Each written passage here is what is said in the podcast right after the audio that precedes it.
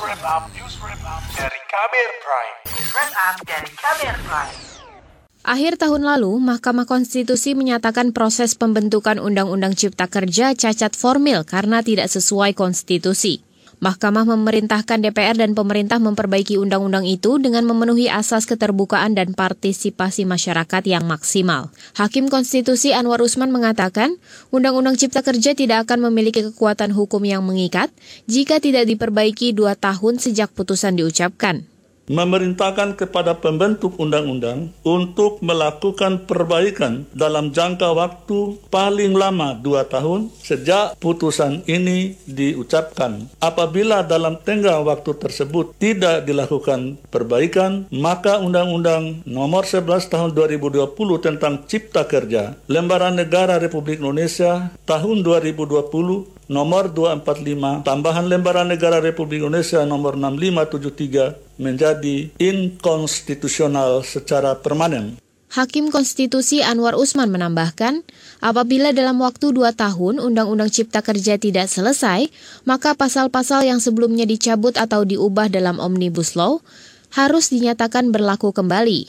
Selain itu, MK juga memerintahkan segala kebijakan yang bersifat strategis dan berdampak luas terkait aturan Omnibus Law agar ditangguhkan. Peraturan pelaksana dari Omnibus Law juga tidak boleh diterbitkan. Meski begitu, Undang-Undang Cipta Kerja masih berlaku sepanjang masa perbaikan. Asosiasi Serikat Pekerja Indonesia atau Aspek Indonesia mendesak pemerintah memperhatikan nasib pekerja yang dinilai semakin kehilangan kepastian jaminan pekerjaan, jaminan upah layak, dan jaminan sosial. Presiden Aspek Indonesia Mira Sumirat mengatakan pada peringatan Hari Buruh Internasional tanggal 1 Mei lalu, para buruh menilai kebijakan pemerintah masih belum berpihak terhadap perlindungan nasib pekerja. Mirah menyebut hal itu terlihat dari kebijakan pemberlakuan Omnibus Law Cipta Kerja meski sudah dinyatakan inkonstitusional.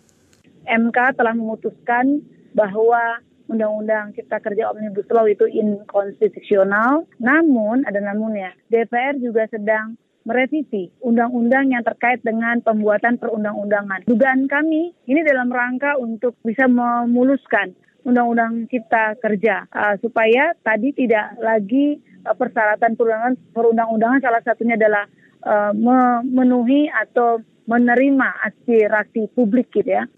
Presiden Aspek Indonesia Mira Sumirat menambahkan, sejak Omnibus Law berlaku, nasib para pekerja semakin menderita Menurut Mirah, aturan itu justru memudahkan pemutusan hubungan kerja atau PHK dengan kompensasi pesangon yang jauh lebih sedikit dibanding ketentuan dalam Undang-Undang Ketenaga Kerjaan.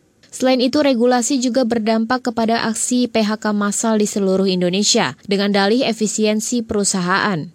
Kata Mirah, dampak merugikan Undang-Undang Cipta Kerja juga menyangkut soal penetapan upah minimum yang dianggap melenggangkan politik upah murah di Indonesia. Di pihak lain, Partai Buruh serta elemen serikat buruh yang diketuai Said Iqbal berencana melakukan aksi besar-besaran.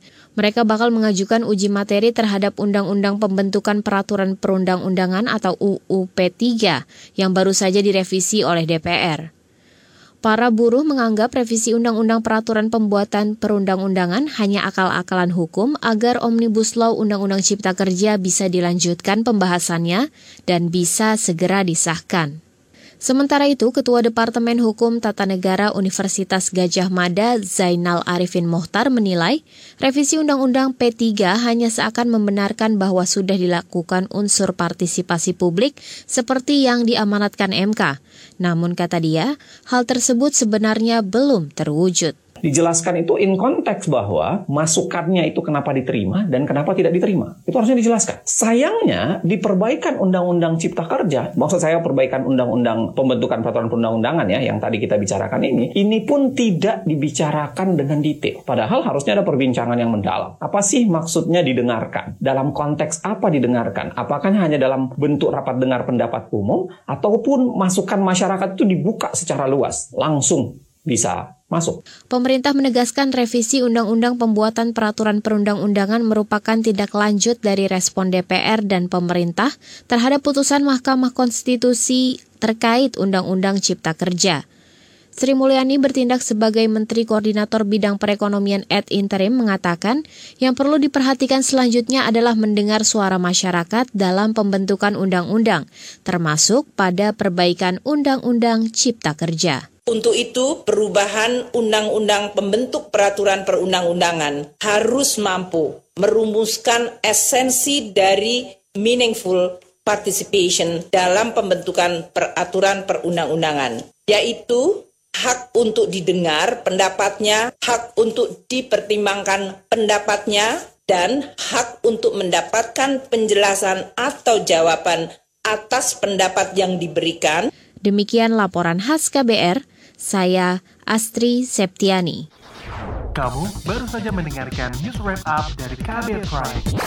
Dengarkan terus kbrprime.id, podcast for curious mind.